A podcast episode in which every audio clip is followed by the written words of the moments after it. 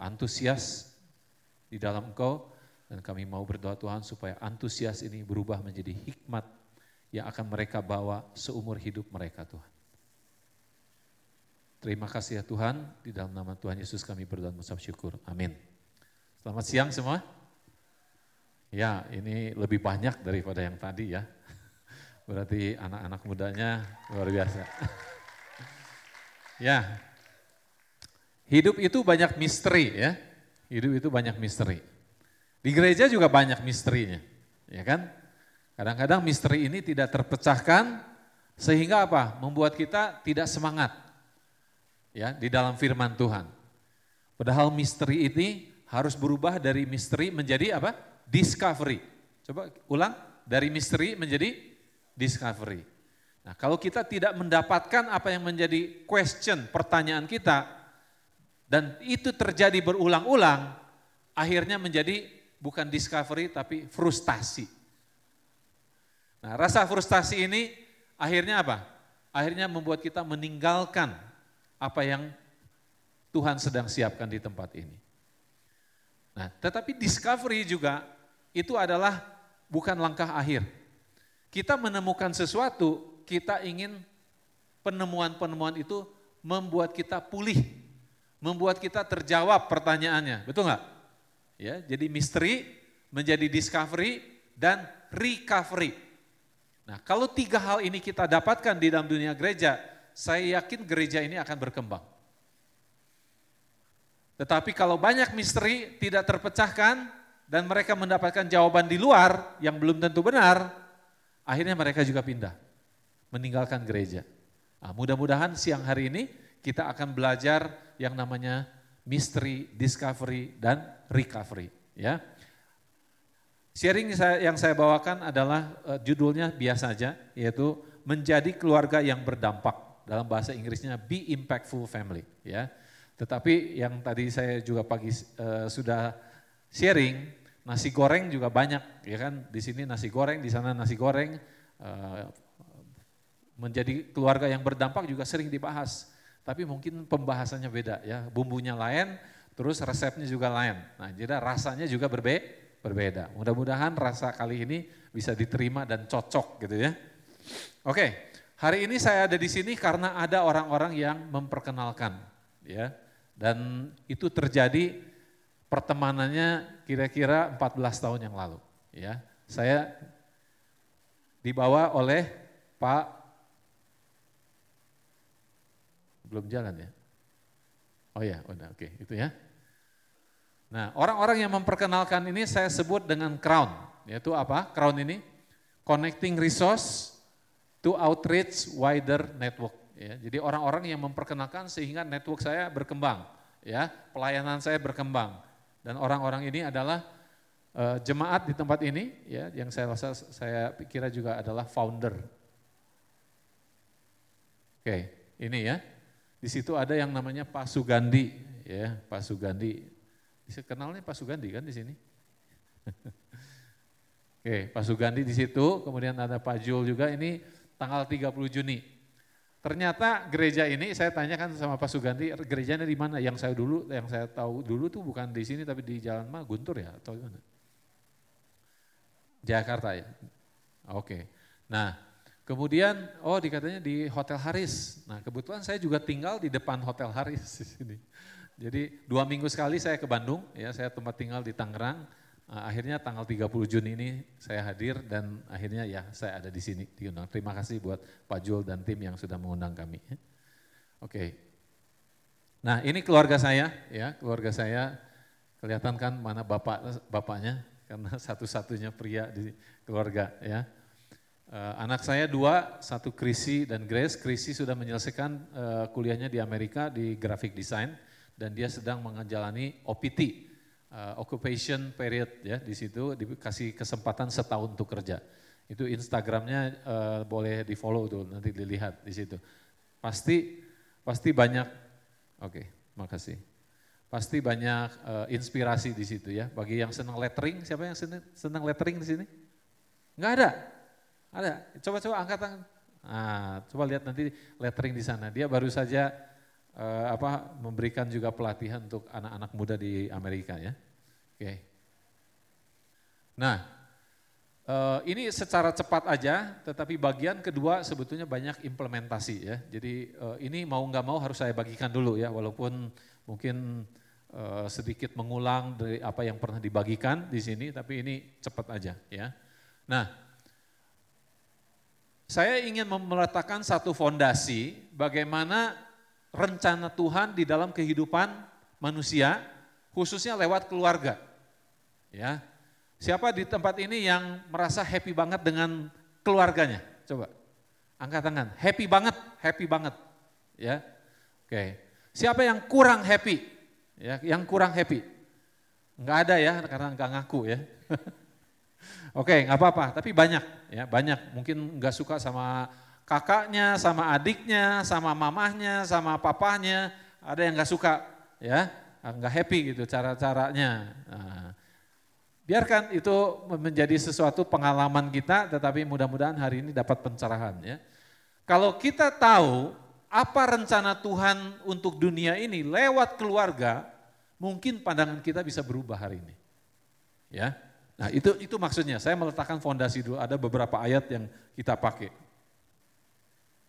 Jadi tujuan Tuhan ya di sini berfirman Allah, baiklah siapa? Kita, bukan baiklah saya, tapi baiklah kita. Kita di sini siapa? Allah Tritung, Tritunggal ya, Bapa, Anak dan Roh Kudus di situ ya. Itu namanya kita di sini. Supaya apa? Supaya mereka berkuasa. Jadi bukan supaya kita tidak berkuasa, supaya kita berkuasa, berkuasa, punya power. Setiap orang yang hadir di sini supaya punya power, itu yang Tuhan mau. Tapi powernya itu bukan untuk menguasai manusia, tetapi menguasai apa di sini? Binatang, ya, binatang di laut, di udara, di e, darat, dia melata, merayap di bumi di situ.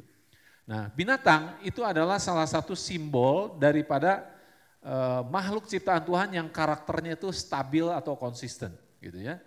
Kalau harimau itu buas, ya sampai kapan pun ya begitu, buas. Walaupun katanya ribuan tahun yang lalu itu enggak seperti itu. Tapi yang kita kenal sejak kita lahir sampai hari ini, binatang itu punya sifatnya konsisten ya. Enggak seperti manusia. Jadi manusia enggak, di, enggak dipakai sebagai lambang karakter. Kenapa? Karena berubah-ubah. Orang yang kelihatan yang apa yang kelihatannya baik bisa punya hati yang tidak baik. Hari ini ramah, besok bisa jadi pemarah gitu. Ya, banyak hal-hal yang tidak konsisten di situ. Nah, yang Tuhan maksud di sini apa sih sebetulnya berkuasa? Nah itu yang kita akan bahas. Ya. Berikutnya, maka Allah menciptakan manusia itu laki-laki dan perempuan. Ya. Nah saya berpikir ya dulu ya, karena saya senang berpikir, mempertanyakan apa firman Tuhan dan sebagainya. Saya pikir kenapa kitab suci yang begitu agung memberikan informasi yang menurut saya biasa-biasa aja. Yaitu laki-laki dan perempuan apa sih? Mesti ditulis di situ. Nah hari ini ribuan tahun setelah setelah firman Tuhan ini uh, apa di, ditulis, kita tahu bahwa ini menjadi masalah besar sekarang. Ya, dengan adanya perkenalkan gender ketiga. Ya, yang namanya keluarga itu nggak usah eh, laki-laki dan perempuan nggak usah bapak dan ibu, tetapi bapak dan bapak juga boleh. Yang penting ada anaknya. Ibu dan ibu juga boleh, yang penting ada anaknya. Nah anak muda yang tidak tahu kebenaran ini mungkin iya masuk logika juga ya. Karena yang sangat kuat ya, yang sangat kuat di dalam di dalam perjalanan kehidupan manusia salah satunya adalah pada saat kita menjadi youth. Youth itu semuanya itu dipertanyakan. Kenapa ini? Kenapa gini? Kenapa di rumah harus begini? Aturannya kenapa gini di rumah? Selalu memperta, mempertanyakan karena logikanya sedang berkembang. Nah, dengan dengan kita melihat bahwa Alkitab men, menceritakan dan menginstruksikan secara khusus laki-laki dan perempuan berarti tidak ada yang ketiga.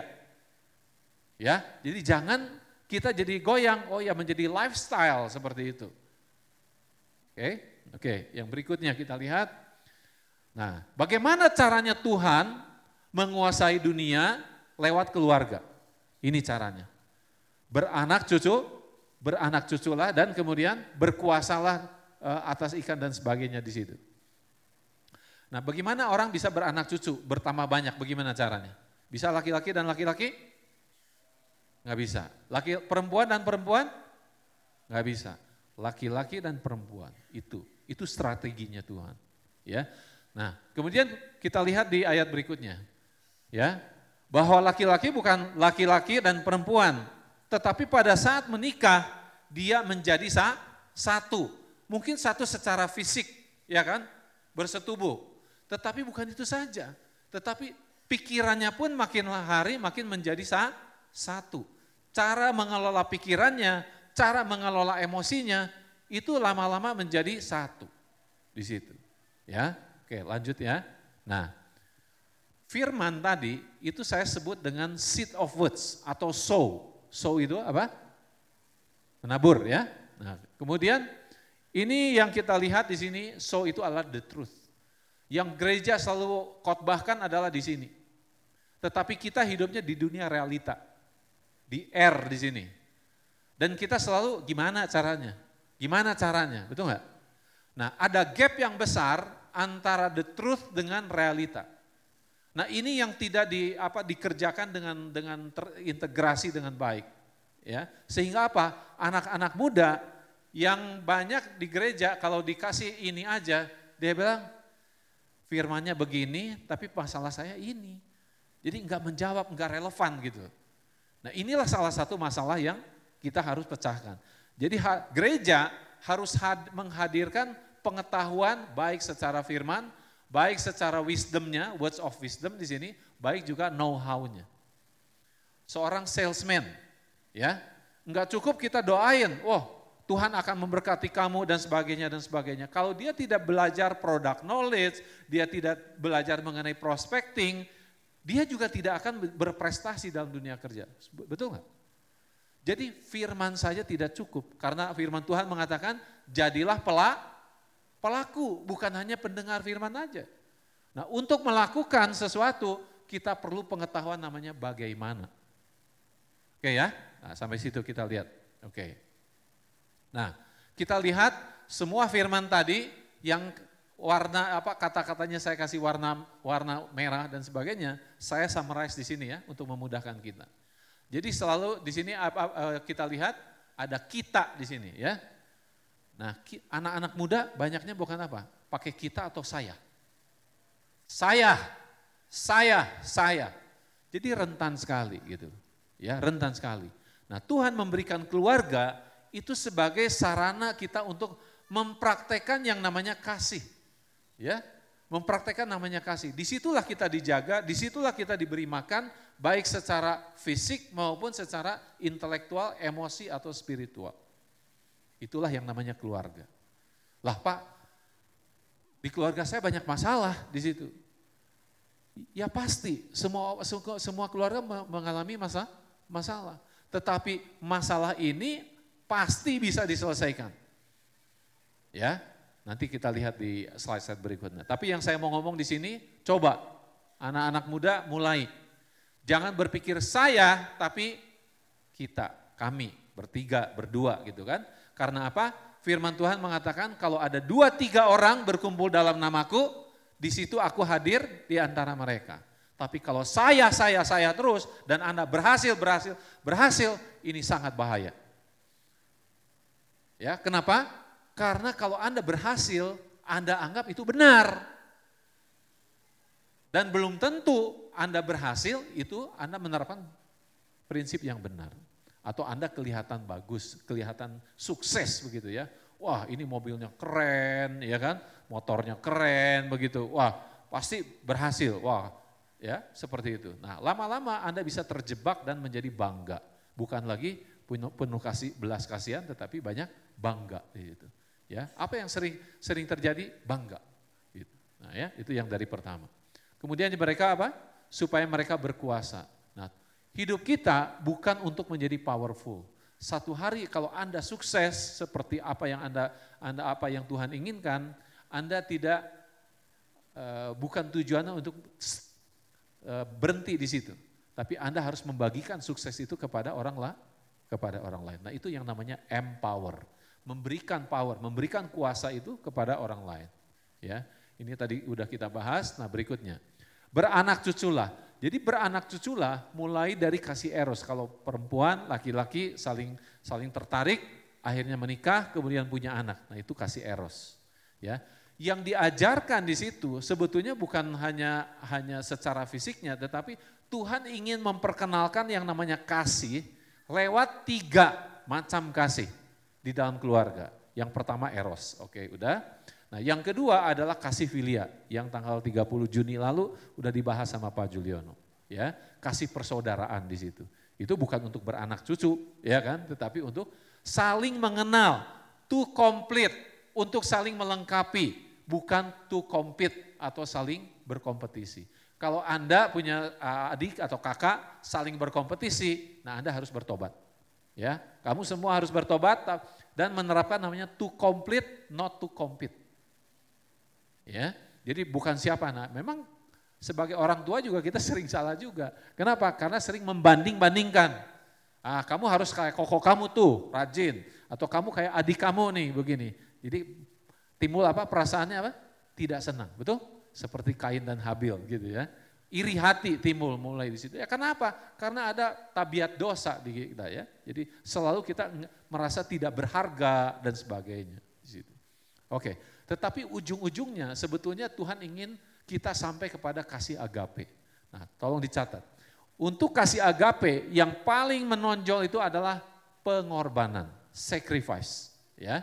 Kalau di dalam kasih eros itu keintiman di sini, keintiman, kedekatan gitu. Nah di dalam persaudaraan itu adalah bukan keintiman tetapi apa? Saling meleng, melengkapi.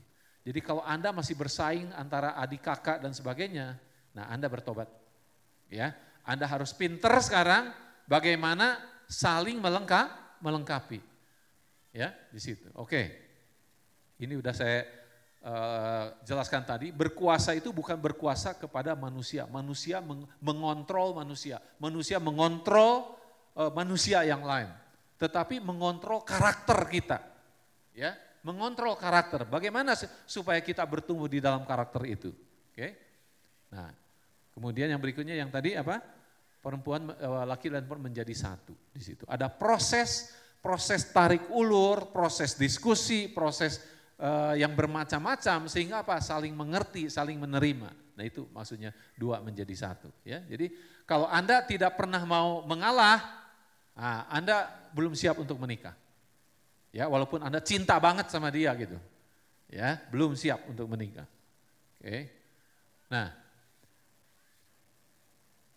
yang saya mau jelaskan di dalam slide ini, ya kan, bahwa di, karena pada waktu kebangkitan orang tidak kawin dan tidak dikawinkan melainkan hidup seperti malaikat di surga. Ya, jadi bukan maksudnya ini kasih yang sifatnya apa?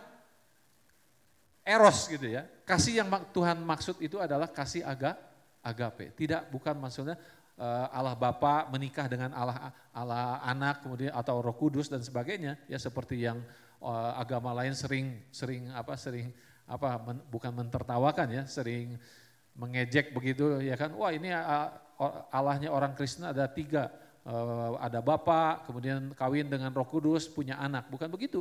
Karena di dalam di dalam apa? Di dalam ayat ini udah jelas. Ya. Pada waktu kebangkitan orang tidak kawin dan tidak dikawin melainkan hidup seperti malaikat di sorga. Ya. Jadi kasih itu hati-hati. Kasih yang mana? Ada tiga macam kan dari kasih eros, kasih filia atau kasih aga agape. Nah, Tuhan memberikan keluarga kepada kita ya.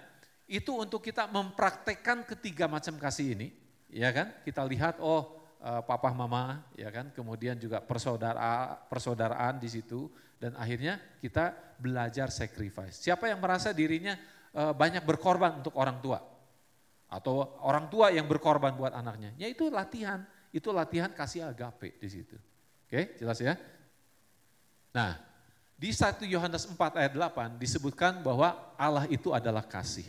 Bukan Allah punya kasih, bukan. Allah adalah apa? Kasih itu sendiri. Nah kasih yang seperti apa? Kasih agape itu. Yang tidak pernah gagal. Disebutkan di mana? Di 1 Korintus 13 ayat 8. Love never fails. Kasih itu tidak pernah gagal. Anda mau uh, kuliahnya gagal? Enggak mau kan? Nah Anda pakai aja rumus ini. Rumusnya apa? Kasih itu. Nah tinggal sekarang nanya, kasih apa maksudnya? Seperti apa hubungannya kasih dengan kuliah? Nanti di dalam slide-slide berikutnya dan di bagian belakang itu akan lebih jelas. Tapi ini sudah jelas banget, simple banget, ya kan?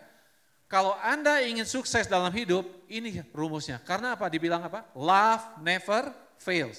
Disebutkan enggak? Fail dalam bidang apa, bidang apa? Disebutkan enggak? Enggak, berarti ini berlaku semua. Mau studi iya, mau cari pacar juga iya, mau cari apa? Cari pekerjaan juga iya di situ. Rumusnya cuma begini. Nah, yang kurang adalah apa? Tidak diterjemahkan. Nah, kita mau ya nanti terjemahkan. Apa nih maksudnya love itu? Apa hubungannya dengan kuliah? Apa hubungannya dengan keluarga dan sebagainya? Oke. Nah, di dalam 1 Korintus 13 disebutkanlah kasih itu apa dan yang bukan kasih itu seperti apa. Ya, coba kita lihat. Murah hati, cemburu. E, banyak sekali di sini pemarah, tidak menyimpan kesalahan, tidak bersuka cita karena ketidakadilan dan sebagainya di sini. Semua disebutkan. Nah pertanyaan saya, ini pernah terjadi nggak di dalam keluarga kita? Ada nggak? Ada nggak? Ada yang pernah e, murah hati kita belajar dari keluarga? Ada. Kemudian yang cemburu juga ada? Ada, yang iri hati juga ada, memegahkan diri ada? Adik kakak ya wah aku dong kayak gini nih, aku disayang sama papa mama. Nah itu udah mulai itu ya. Nah ini semua ada. Makanya keluarga itu adalah tempat kita untuk mempraktekkan kasih. Kalau sekarang sampai hari ini banyak masalah, berarti ada sesuatu mengenai kasih yang perlu dikoreksi segera. Ya, saya belum belum kasih tahu kasih itu apa, tetapi akan nyampe ke titik itu. Tapi kita harus tahu dulu masalahnya apa. Ya, di mana tidak ada kasih di situ, pasti banyak masalah di situ. Oke. Okay. Oke. Okay. Nah, ini kata-kata yang sering diucapkan oleh anak-anak muda ya. Siapa yang sudah punya pacar di sini? Belum mengaku juga. Oh, ya. Nah, kalau kita terapkan tadi yang satu Yohanes, I love you, ya, dan kita memakai kasih agape yang tertinggi dong, karena love never fails, ya, kasih agape itu yang tidak pernah gagal. Berarti apa? I, God, and you. Jadi Anda kalau ngomong I love you, Anda mengakui bahwa saya perlu Tuhan dan kamu untuk menjadi satu atau I will sacrifice for you. Ya, karena kasih agape itu kan sacrifice sebetulnya. Nah, kalau Anda tidak belum sanggup ke situ, Anda harus mikir dua kali, jangan cepat-cepat ngomong I love you ya. Ya, karena di dalam kasih itu yang yang apa yang paling tinggi agape itu Anda perlu berkorban. Pasti Anda juga uh, apa untuk menyelesaikan masalah perlu kasih seperti ini. Ya, oke. Okay. Nah, Coba lihat di Instagram ya, di Instagram Anda boleh buka handphonenya ya untuk masuk di sini. Ya. Ini karena anak-anak muda udah lebih terlatih ya di dalam Instagram. Nah, di situ disebutkan kenapa kasih? Ya. Ada ada jawabannya di mana? Coba saya mau tanya, siapa yang sudah mendapatkan tolong disebutkan apa isinya di situ?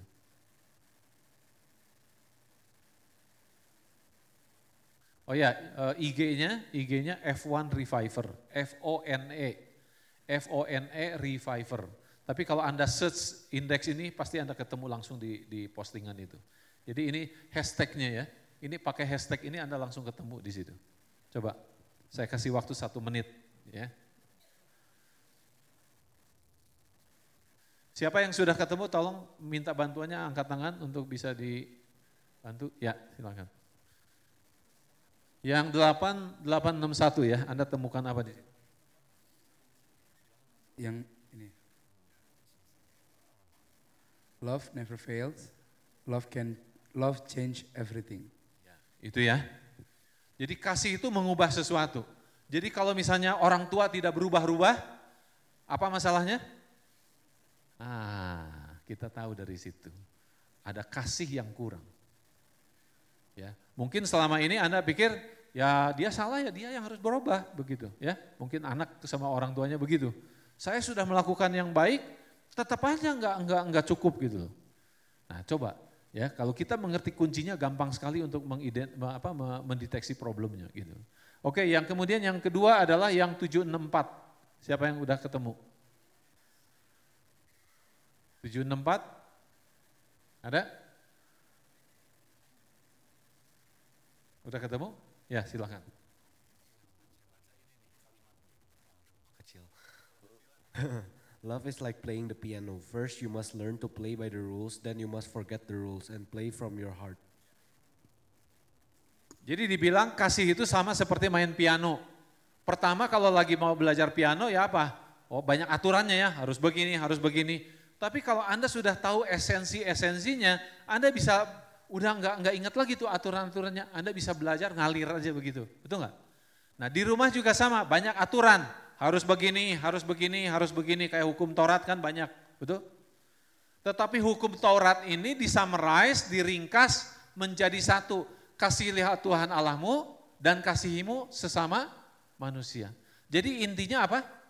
Kasih. Jadi kalau tidak ada kasih, ada rule banyak, oh gini gini gini untuk ngatur nih orang tua biasanya kan, wah takut ini nggak mau nggak boleh pulang malam, kamu begini, kamu begini. Kamu harus tahu bahwa di dalam di belakangnya itu adalah kasih. Bukan cerewet, bukan apa, tetapi kasih. Nah cuma kasih ini tidak terekspresikan dengan baik, tetapi kasih ini terekspresikannya dengan aturan-aturan. Nah ini yang kita harus mengerti ya maksudnya. Kalau kita tidak mengerti ini selalu kita memprotes orang tua kita gitu. Jadi orang tua kita itu mengasihi tetapi cara dia mengasihi tidak seperti apa yang kita harapkan. Oke, nah itu yang 764. Oke 533, nah sekarang mulai praktis nih. Bagian ini sudah mulai praktis. 533 siapa? Yang bisa bagian sini satu. Ada? Udah? 533. Ya, siapa yang sudah? Indeks wow 533. Udah? Ada empat ciri ya orang yang e, mempraktekkan kasih. Ada? Ya itu, betul. Eh belum, bukan ya. Ya silakan. Namanya? Nama saya Rani. Ciri orang penuh kasih, listening, our head, uh, victory as power. Jadi ciri pertama adalah orang yang mengasihi, kalau Anda ingin mempraktekkan kasih, Anda lebih banyak mendengar. Orang tua secerewet apa pun Anda dengar dulu deh gitu. Nah kemudian Anda berikan respon. Oh ya Pak, Ma saya mengerti, tapi saya belum bisa lakukan, coba kasih kesempatan misalnya untuk saya bisa uh, mempraktekkan ini more listening, lebih banyak mendengar daripada berdebat gitu. Ya, kalau Anda mulai mulai mendebat, nah biasa banyak timbul masalah. Yang penting terima dulu. Terima bukan berarti setuju loh. Ya. Jadi Anda terima dulu, pada saat yang tepat Anda bisa ungkapkan, Anda bisa diskusikan seperti itu. Nah, ini semua harus ada latihannya, ya. Ibu Duvin ya sebagai counselor dia melatih banyak bagaimana kita bisa mengekspresikan sesuatu. Dan anak-anak muda karena lebih banyak di gadget, dia nggak tertarik untuk ngomong tuh panjang-panjang, betul nggak? Kalau ditanya, eh gimana kabarnya tadi sekolah? Ya sama aja lah kayak kemarin. Gitu. Jadi pengennya singkat-singkat begitu. Nah itu yang mereka merasa kamu tidak peduli sama mereka gitu. Kamu tidak menghargai mereka gitu. Nah nanti juga ada sisi sisi orang tua juga ya. Jadi ini bukan menyalahkan orang uh, youth bukan, tetapi saya mau memberitahu apa yang orang tua banyak rasakan pada saat kamu melakukan hal seperti itu. Ya, oh kamu ditanya terus gitu ya kan, udah makan belum, udah apa tuh, emangnya saya anak-anak. Nah, tapi kalau kamu tahu bahwa di belakang itu karena ada kasih supaya kamu nggak sakit, mungkin kamu bisa lebih sabar. Gitu. Ya, jadi hari ini itu pelajaran pentingnya. Nah yang kedua outreach, jangan pengen disamperin terus sama orang tua. Outreach itu menghampiri. Ya, jadi outreach itu kalau kamu ingin menerapkan kasih pulang dari sini, coba kamu datang sekali-kali. Jangan jangan orang yang orang tua yang tanya, "Eh kamu kabarnya gimana? gimana eh, sekolah kamu? Coba mulai kamu datang sama mereka. Pah, hari ini apa kabar? Ya kan, bagaimana pekerjaannya? Mungkin kaget, kamu kenapa nih hari ini? Tapi coba praktekin. Kan tadi ya, tadi kalau saya saya udah lihat deh apa eh, capture tuh lagu-lagunya. I have laid my life. I will give everything. Ya kan? Sambil loncat-loncat lagi nyanyinya gitu kan semangat banget. Tapi lakukan. Anda berani lakukan sesuatu yang baru hari ini. Pulang dari sini, samperin orang tua. Ya, Pah atau Mah, aku dapat sesuatu di gereja, aku belum siap, aku belum siap mengekspresikannya, tapi aku merasakan ada sesuatu yang dalam diriku, aku harus berubah. Segitu aja. Anda nggak usah panjang, itu lebih eh apa kurang dari satu menit loh. Ya, saya tahu pergumulan kamu, kamu nggak suka ngomong gitu. Tapi mau nggak mau, kamu harus belajar ngomong. Kalau kamu menganggap itu sebuah keluarga itu sebagai sesuatu yang pen, penting. Jadi, wah ribet. Kalau makin saya ngomong, makin banyak saya ditanya. Kalau kamu punya kasih dalam hati, I have laid everything, dahsyat itu sekali. Ya, jadi jangan hanya di gereja loncat-loncat, tetapi di rumah lakukan sesuatu yang baru hari ini, pulang dari sini samperin orang tua, mah peluk aja. Kalau kamu nggak bisa ngomong, kamu peluk aja orang tuanya. Mah, aku mengasihi kamu. Maaf ya, sampai hari ini aku banyak mengecewakan kamu. Begitu mah apa susahnya sih? Kamu di sini bisa loncat-loncat, di sana itu lebih dahsyat. Orang tuanya yang akan loncat-loncat.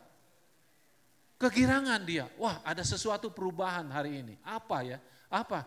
Mah aku belum bisa, bisa banyak bicara, aku harus nanti cari waktu kita. Mungkin sambil makan nanti aku keluarin sedikit-sedikit apa yang aku rasakan selama ini.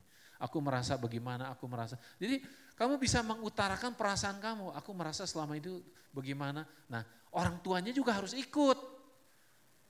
Istilahnya ikut pelatihan juga. Kalau enggak kamu setengah mati untuk mendekat, terus di alah kamu lebay banget, udah udah sana sana.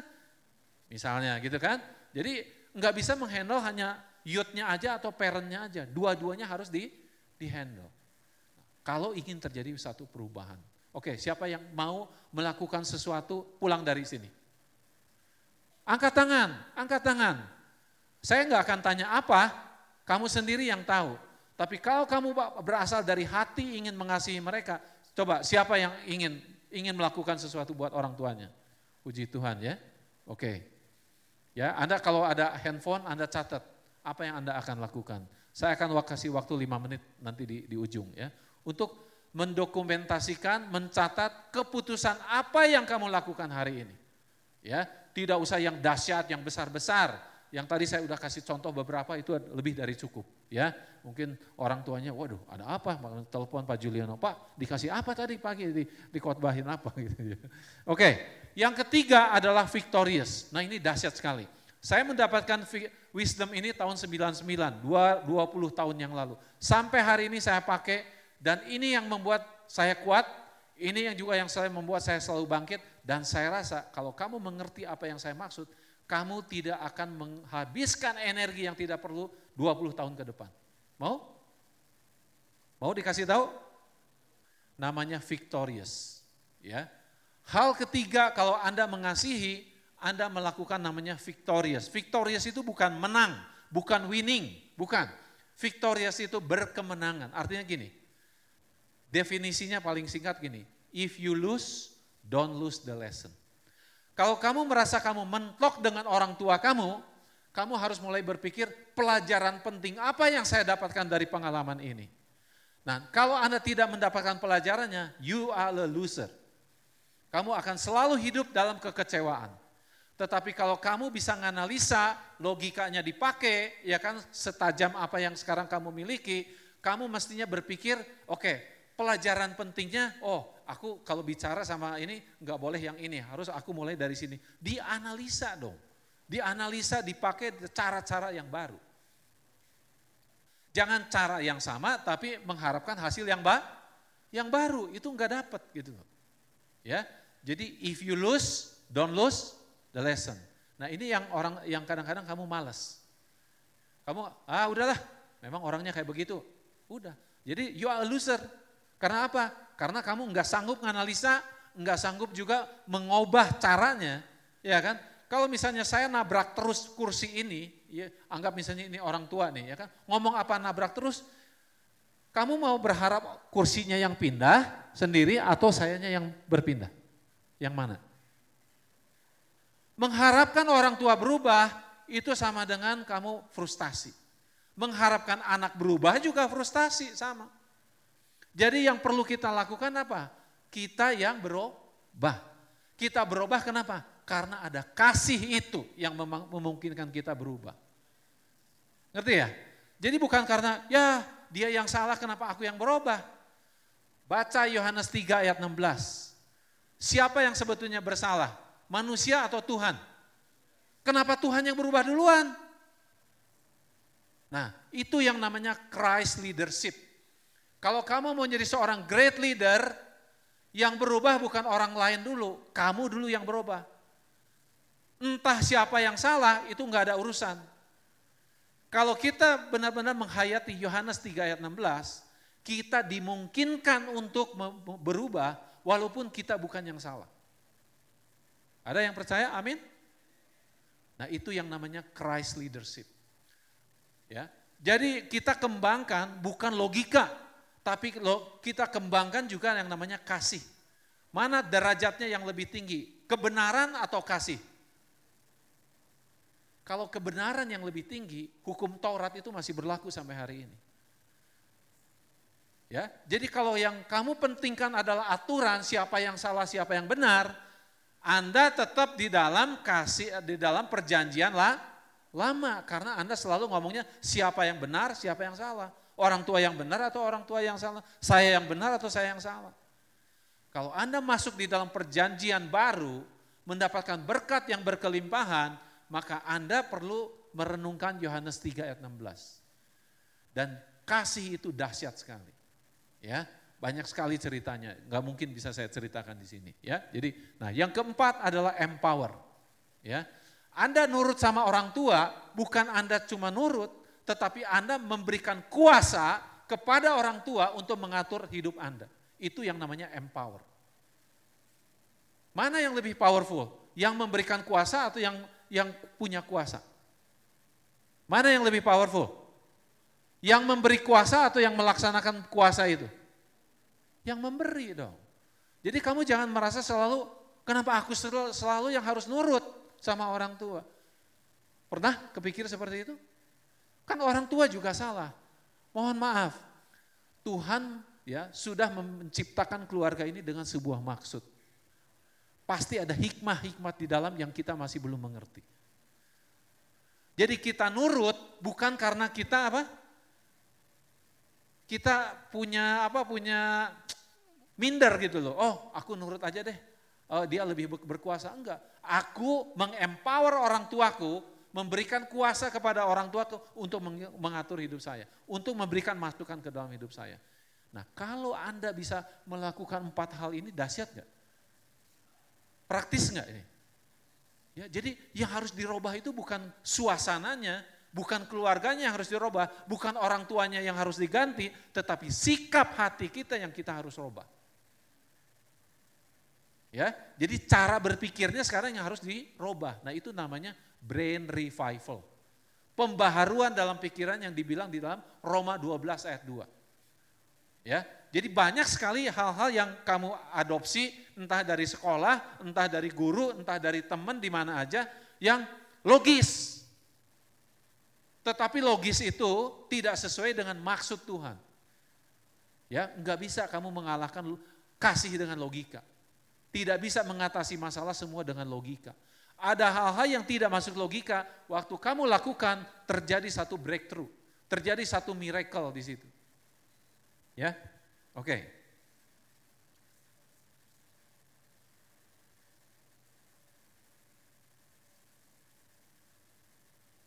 Next. Oke. Okay. Ini udah tadi saya saya bahas ya. Jadi ini yang uh, tanggal 30 Juni di situ. Ya. Ini Pak Juliana yang bawakan di situ kasih pers, persaudaraan sudah dibahas di situ ya. Jadi ada tiga macam kasih. Oke, nah kasih itu enggak bisa kamu simpen dalam hati saja, nggak bisa. Kasih itu harus diekspresikan. Setuju nggak? Nah, kalau ada yang pengen tahu lebih lanjut, ada lima bahasa kasih.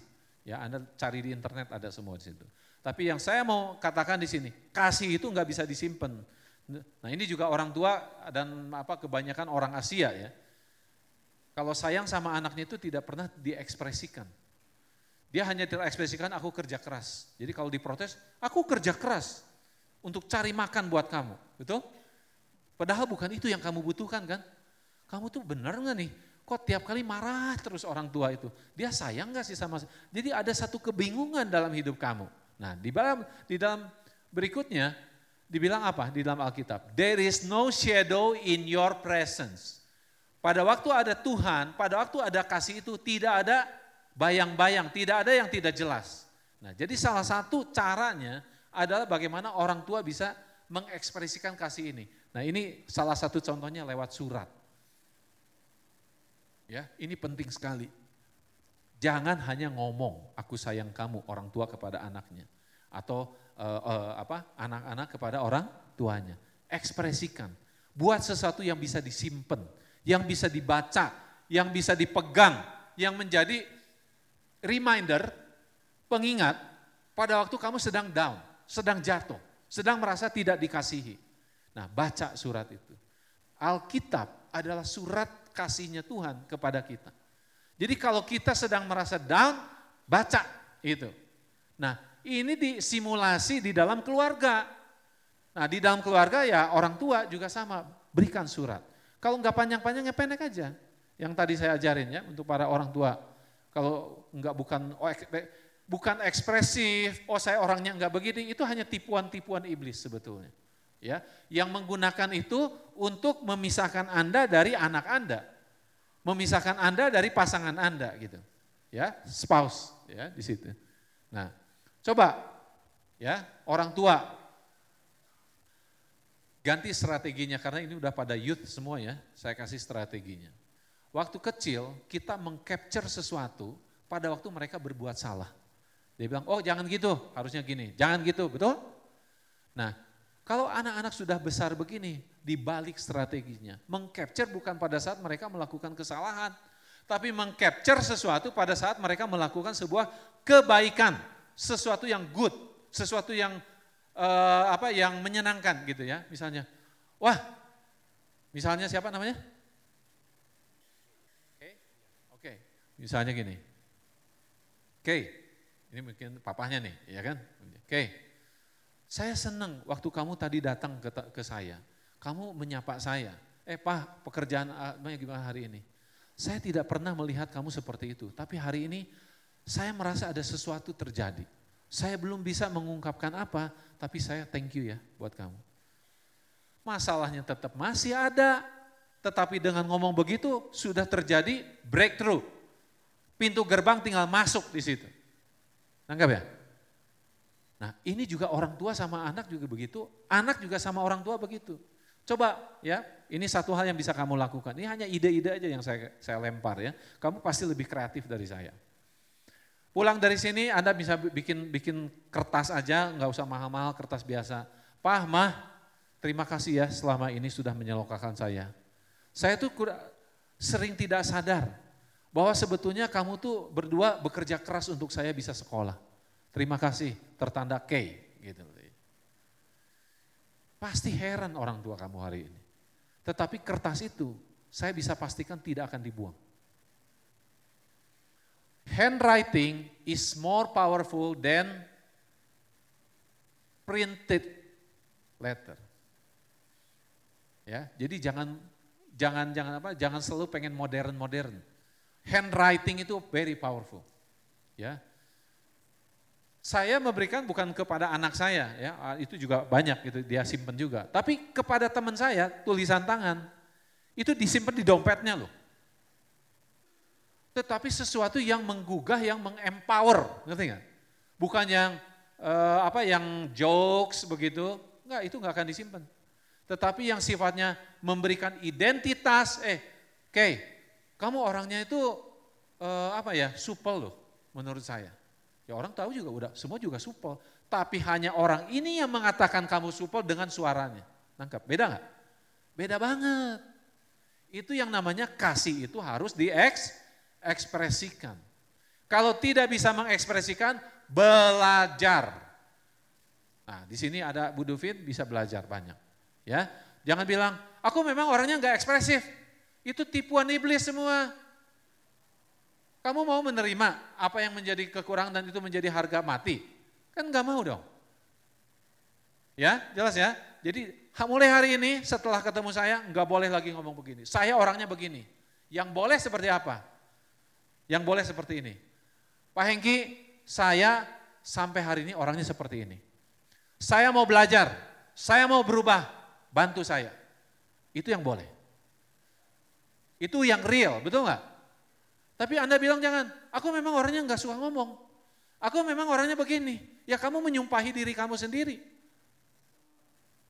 Jangan sumpahin diri sendiri, berkati diri sendiri. Bu Dovin, saya orangnya itu pendiam. Saya susah kalau ngomong, bantu saya. Bagaimana caranya? Itu sikap yang bagus. Itu sikap seorang youth yang mau itu. Ya, oke. Tulis ya, semua decision-decision yang terinspirasi dari ucapan-ucapan ini, tulis di handphonenya. Saya mau melakukan apa? Oke. Ini saya nggak usah nggak usah uh, bahas lagi ya. Nah, agape dan filia ini sering terjadi dalam dalam hidup kita juga. Ini Petrus dan Tuhan Yesus. Dia bilang, apakah kamu mengasihi aku? Petrus bilang, ya aku mengasihi kamu. Ya aku mengasihi kamu. Ya aku mengasihi kamu. Tapi yang Petrus maksud itu adalah kasih filia yang Tuhan Yesus tanyakan adalah agape. Eh, apakah kamu agape sama saya? Ya Tuhan, saya filia. Eh, Petrus, apakah kamu agape sama saya? Ya Tuhan, saya filia. Nyambung nggak? Nah, kamu juga mungkin mengalami hal seperti ini. Eh, kamu tuh sayang nggak sama saya sih sebagai orang tua? Ya sayang, Papa. Ya sayang, Mama. Yang kamu maksud itu sayang di dalam filia. Tapi kalau kamu bisa jawabnya gini, Orang tuanya ditanya sama Kay, karena saya baru tahu namanya satu nih. Jadi kena terus dia. Kay, apakah kamu filia sama saya? Ya papa, aku agape sama kamu. Dahsyat nggak? Enggak pernah kamu kecewa sama orang tua. Kenapa? Karena agape itu jauh lebih tinggi derajatnya, jauh lebih tinggi powernya di situ. Tapi jangan kamu bilang, Eh, Kay, apakah filia sama saya? Ya, papa, aku filia sama kamu. Ya udah, biasa aja. Tidak akan terjadi breakthrough dalam keluarga kamu. Dan jangan bilang ke bilang ya orang tua dong yang harus tidak ada orang tua, tidak anak, tidak ada anak. Siapa duluan yang lebih sadar mengenai kebenaran ini? Anda lakukan. Walaupun Anda anak, anak bisa mengubah orang tuanya. Ya? Nah, jadi gini, apakah filia Oke, apakah filia sama saya, sama papa? Ya papa, aku agape sambil nangis kamu. Karena apa? Di dalam pikiran kan, I will sacrifice for you papa. Itu bahasanya dalam bahasa sehari-harinya. Nah kalau Anda berlatih begini, dahsyat. Akan ada generasi yang hebat, yang dahsyat yang lahir berapa tahun ke, ke depan. Ya, jadi secara fisik kamu punya energi. Nah sekarang energi spiritnya ini yang harus di, dimasukkan gitu loh. Pengertian-pengertian baru, brain revival yang baru di situ. Baru kamu menjadi salah, akan menjadi anak-anak muda yang dahsyat. Kuncinya satu, the more you sacrifice in the right time, in the right place, the more God will bless you. Oke. Okay. Nah, sekarang pertanyaan dari mana kita membangun? Ya. Nah, ayat ini sering dipakai di ulangan 6 ayat 6 kepada orang tua, pelatihan orang tua. Ajarlah anakmu berulang-ulang, berulang-ulang. Anak-anaknya bilang bosan. Kenapa? Ada kesalahan di sini. Dilihat di ayat limanya. Sebelum berajar, diajar berulang-ulang, mengajar berulang-ulang, harus ada apa di situ? Ayat 5? Kasih dulu. Nah, jadi kalau saya gambarkan diagramnya seperti ini. Kita ya ribetnya itu dengan urusan begini nih. Ya. Orang tua, orang tua di sini, husband, wife, punya anak di sini. Terus mau benahin di sini, nggak bisa. Nggak akan mungkin bisa. Karena tiga pribadi yang berbeda, ya, semua juga punya interest yang lain-lain. Kalau tidak ada yang mempersatukan, impossible. Mainnya akan main logika di situ. Nah ini logika nih di sini. Ya, bikin aturan, parent bikin aturan buat children, children berontak di sini, wah muter aja di situ. Untuk membenahi ini hanya satu ya dan itu disebutkan di ayat 5. Kasihilah Tuhanmu. Nah, waktu kasih ini muncul, waktu mendengar, waktu orang tua mengoutreach anaknya, waktu ada pelajaran victorious, di situlah ada hikmat yang mengalir. Hikmat ini akan memberikan tahu, oh jangan dulu, kamu jangan ngomong dulu sama anak itu. Oh begini dulu, oh begitu dulu. Nah itu roh kudus akan memimpin orang tua di dalam seperti itu. Tapi kalau yang maju hanya aturan, logika dan sebagainya, anak juga berontak. Nah saya kasih rumusnya R3. Rule without relationship sama dengan rebellion. Aturan tanpa hubungan, membangun hubungan terlebih dahulu, akhirnya pemberontakan. Ya, ingat ya di situ. Oke, nah kita lanjut dulu. Jadi kita melihat di sini ada dua, ada dua segitiga di sini ya. Segitiga ini yang harus dibangun untuk membenahi yang bawah. Oke. You di sini ya di ayat 5 itu berbicara kepada orang tua. Ya, jadi orang tua dulu yang yang ini. Siapa sebetulnya yang punya kapasitas lebih? Ya kalau orang tua lebih banyak pengalaman dan sebagainya, mungkin ada beberapa hal yang dia bisa berubah duluan. Ya, tetapi tidak menutup kemungkinan anak-anak muda juga bisa berubah duluan, gitu. Oke. Nah, di sini kita lihat apa yang kita harus lakukan ya di di bagian bawahnya di sini. Ya, di sini nih. Uh, love di sini udah ya, udah tadi saya sebutkan uh, listen, outreach, victorious, empower. Nah, siapa duluan? Jawabannya tadi siapa saja yang punya kesadaran mengenai kasih ini, ya. Nah berikutnya yang harus dibangun show-nya apa? Show ini harus diterjemahkan menjadi core value, nilai-nilai hidup. Apa nilai hidup? Oke misalnya mau dikenal sebagai orang yang seperti apa kamu? Baik, orang yang baik. Uh, berguna. Berguna. Uh, terus apa lagi? Apa lagi? Gak tahu. Rajin, oke, okay. pinter, oke. Okay. Iya, mau nilai-nilai itu yang kamu mulai harus pikirkan. Ya, dan kamu catat, oh saya mau dikenal sebagai orang yang seperti apa. Nah itu satu hal ya. Nah itu menjadi yang namanya core value atau nilai-nilai. Yang berikutnya harus ada formula-formula praktis. Di dunia engineering banyak sekali rumus ya. Matematika, kimia itu semua rumus isinya. Tapi hal-hal yang sifatnya sosial itu jarang ada rumus. Nah saya bikin rumus dengan akronim-akronim. ya. Nah masuk bisa ke Instagram, kamu ada masalah apa bisa DM ke saya. Pak Hengki, saya mengalami ini, ada nggak postingan di mana? Karena itu udah hampir 1041 postingan per hari ini. Dan setiap postingan dikasih nomor indeks. Jadi saya akan ngomong, oke okay, kamu masuk ke nomor sekian, nomor sekian, nomor sekian. Oke, okay? jadi kalau ada yang membutuhkan. Nah ini tadi way of thinking, cara kita berpikir yang salah. Respon kita yang salah. Kenapa jadi banyak masalah? Karena responnya yang salah.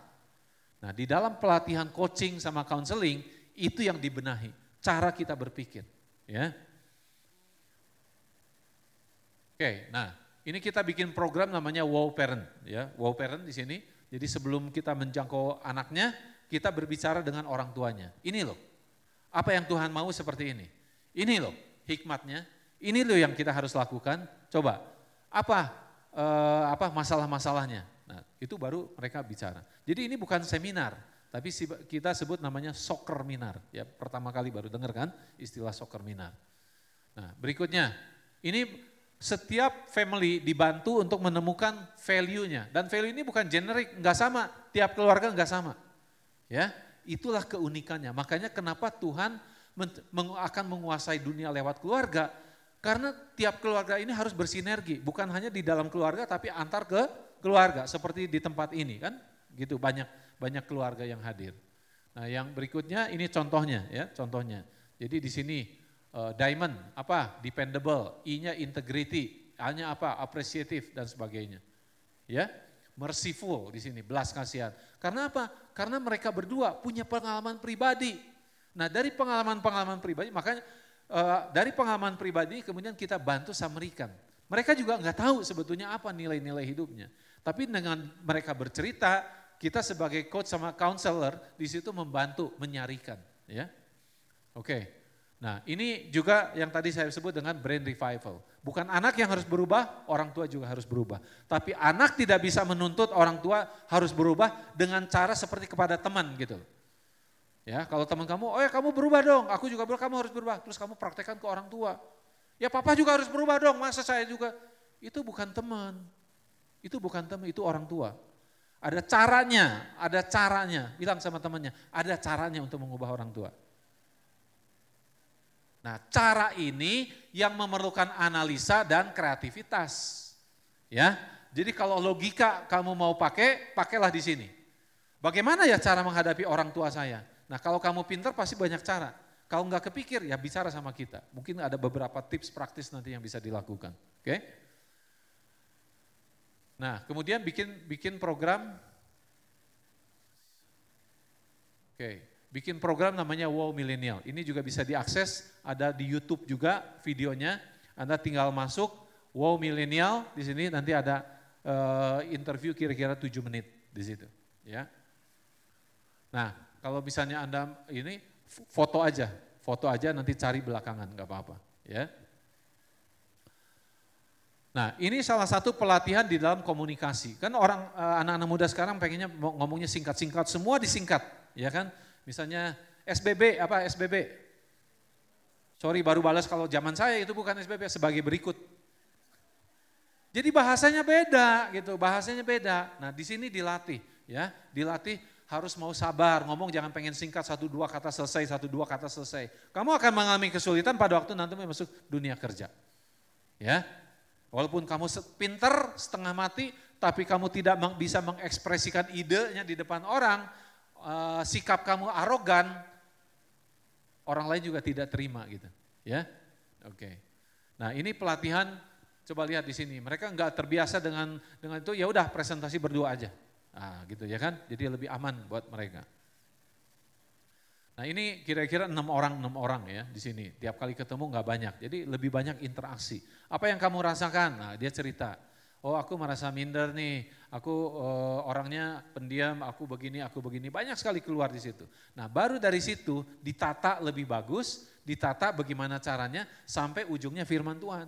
Jadi di sini bukan bukan langsung di, dikotbahin lagi, bukan di tempat ini kamu didengerin, love itu, di outreach, ya kan? Kemudian kamu belajar apa dari situ? If you lose, don't lose the lesson. Kamu tahu nggak pelajarannya apa yang penting? Oh saya nggak tahu. Nah saya kasih tahu pelajaran pentingnya apa. Jadi berkembang, berkembang di situ, ya. Nah kemudian juga e, berikutnya e, bicara mengenai ini nih, ada istilah kuda at cafe. Apa bingung kali ya? Nah kuda itu singkatan dari knowledge, U-nya understanding, ya, D-nya decision, A-nya action. Kamu dalam hal knowledge understanding bisa lebih daripada orang yang sedang bicara di depan kamu sekarang gitu. Ya. Kamu bisa apa? Langsung cari di Google kan?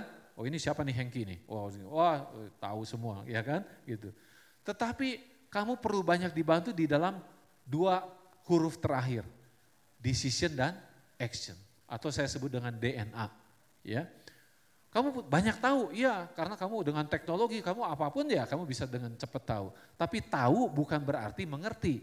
Mengerti belum ber, belum berarti kamu bisa membuat keputusan. Membuat keputusan belum tentu Anda bisa lakukan. Betul ya? Nah empat ini yang harus sinkron seperti kaki kuda empat harus sinkron supaya maju hidupnya.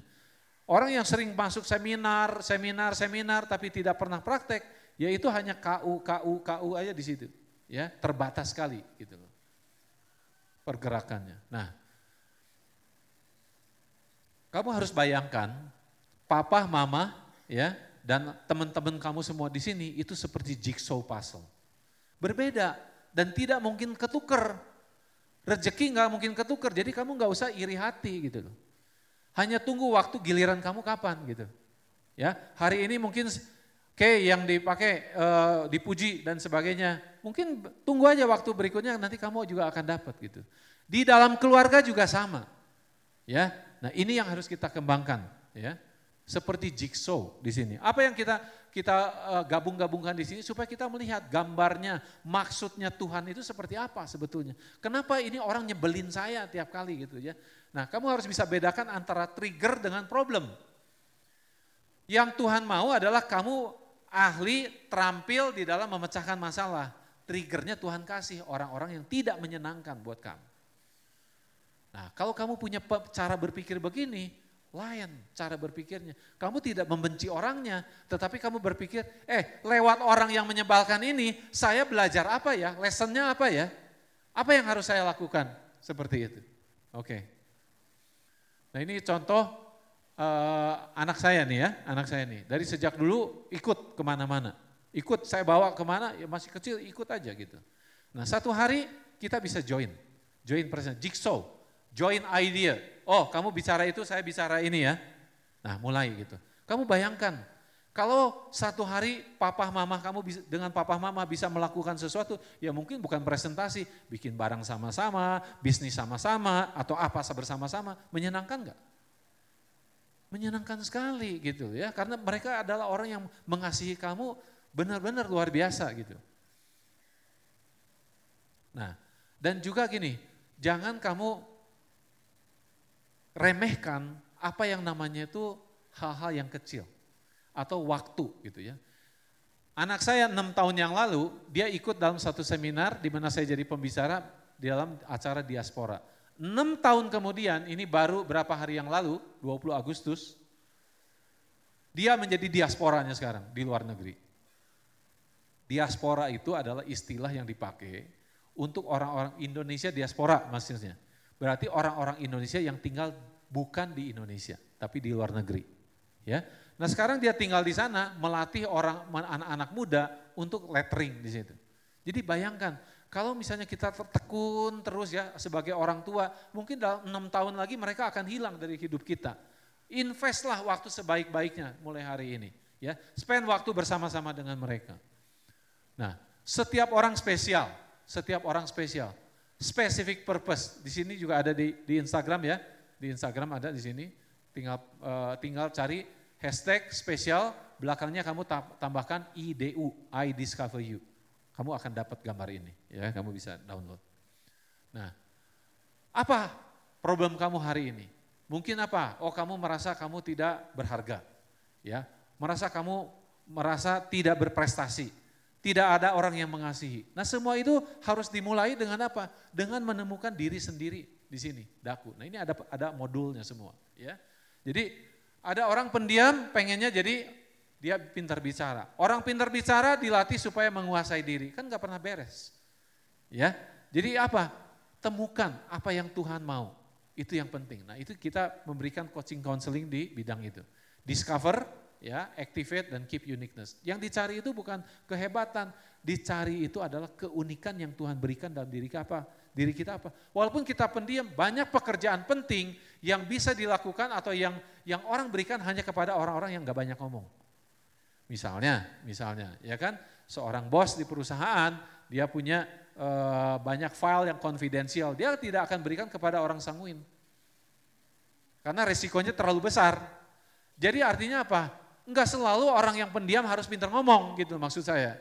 Enggak usah yang selalu yang e, orang ngomong itu yang paling hebat, enggak. Semua ada adanya.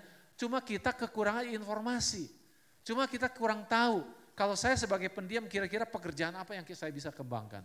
Itu yang harus di coaching. Ya. Nah, untuk kamu supaya bisa berkembang, kamu harus mengembangkan yang namanya tujuh harta manusia. Ya, di sini namanya time, earthly capital itu finance, bagaimana kamu mengelola waktu, bagaimana kamu mengelola uang, nah itu juga harus diajarkan ya. Kemudian spiritual, physical, intelektual, network sama emosi. Ada orang yang sangat pinter tapi sangat emosi, ada nggak? Ada. Itu tidak akan maksimal hidupnya. Ya. Nah, ini yang nanti kita mau bikin program-program seperti ini supaya kamu dapat paket lengkap. Bukan hanya rohani aja, bukan hanya spiritual aja, tetapi juga ada unsur lainnya. Ya, Anda bisa baca di Instagram, tinggal masukkan kata the spine tambah IDU. Nah, kamu bisa apa? Kasus-kasus di situ banyak ya praktis. Jadi Anda nggak usah dengerin dua jam, tiga jam seminar, Anda punya waktu lima menit, baca satu postingan, ah kamu dapat berkata apa? Next time kalau kalau ketemu bisa langsung nanya ya. Oke, nah ini yang kita namakan dengan sinergi ya. Sinergi itu apa? Beri, kasih network kita, experience kita dan revelation kita untuk me, me, apa, mengembangkan yang namanya youth di situ. Oke. Nah, saya dikasih satu kata oleh Pak Juliono namanya beyond. Beyond itu siapa yang bisa jelasin? Ada? Siapa? Mau coba? Coba aja, belum tentu itu. Oke? Yuk.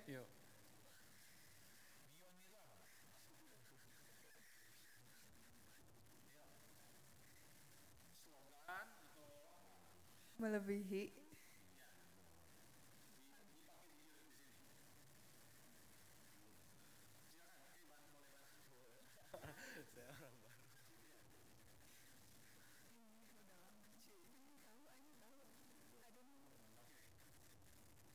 Beyond ini satu kata yang bagus sekali ya. Jadi kalau kamu tahu arti satu kata beyond ini, Anda benar-benar bisa memimpin banyak orang gitu. Ya, karena melebihi daripada yang ini. Tapi yang sebetulnya yang kalau kita lihat di, di Efesus 3 ayat 20 21, now to him. Siapa? Yang bisa melebih, apa, bisa melakukan melebihi dari apa yang kita pikirkan siapa? Tuhan, ya. Jadi artinya apa? Kalau yang yang tadi sinergi, the spine ini segala uh, apa kita ingin mengubah orang tua dan sebagainya nggak bisa, orang tuanya nggak berubah. Ingat aja satu ayat ini bahwa Tuhanlah sebetulnya yang mampu mengubah dia. Jadi yang kita bisa pikirkan adalah gimana cara kreativitas kita coba, kita coba, kita lakukan terus dengan tekun seperti itu. Nah itu yang namanya beyond, ya, yang bisa melakukan hanya Tuhan sebetulnya. Ya, jadi jangan frustasi. Kalau belum berubah berarti apa? Mungkin kasihnya yang bermasalah atau saya yang harus berubah duluan. Kemudian yang ketiga serahkan sama Tuhan. Jadi jangan semuanya serahkan sama Tuhan.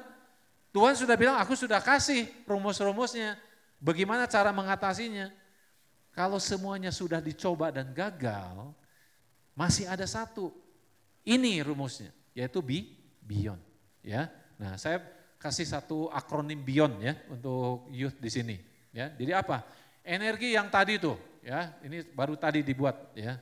Waktu kamu nyanyi semua gitu, waduh energinya kan luar biasa di situ ya. Energi di sini tuh, bercolorful. Nah, bawa energi ini, energi yang muda itu, ya kan, untuk satu tujuan. Directionnya harus jelas. Directionnya apa?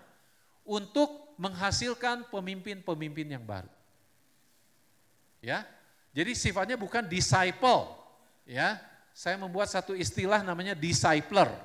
Matius 28 ayat 19 20 bukan bicara mengenai pemuridan. Tapi bicara mengenai apa? Penghasil murid. Dibilang begini, pergi jadikanlah semua bangsa muridku. Jadi kalau saya ngomong sama Pak Jul, pergi dan jadikanlah semua bangsa muridku, berarti Pak Jul ini apa? Penghasil murid. Nah penghasil murid saya kasih satu istilah namanya discipler. Ada di kamus nggak? Nggak ada. Bikin aja sendiri. Emang kamu juga sering kan bikin istilah-istilah sendiri? Ya, tapi discipler gampang dimengerti sebetulnya. Jadi jangan memposisikan kamu selalu murid terus gitu. Jadi sampai kapan kamu akan jadi murid? Kita semua muridnya Tuhan Yesus. Tetapi kita bisa masuk untuk juga menolong orang lain.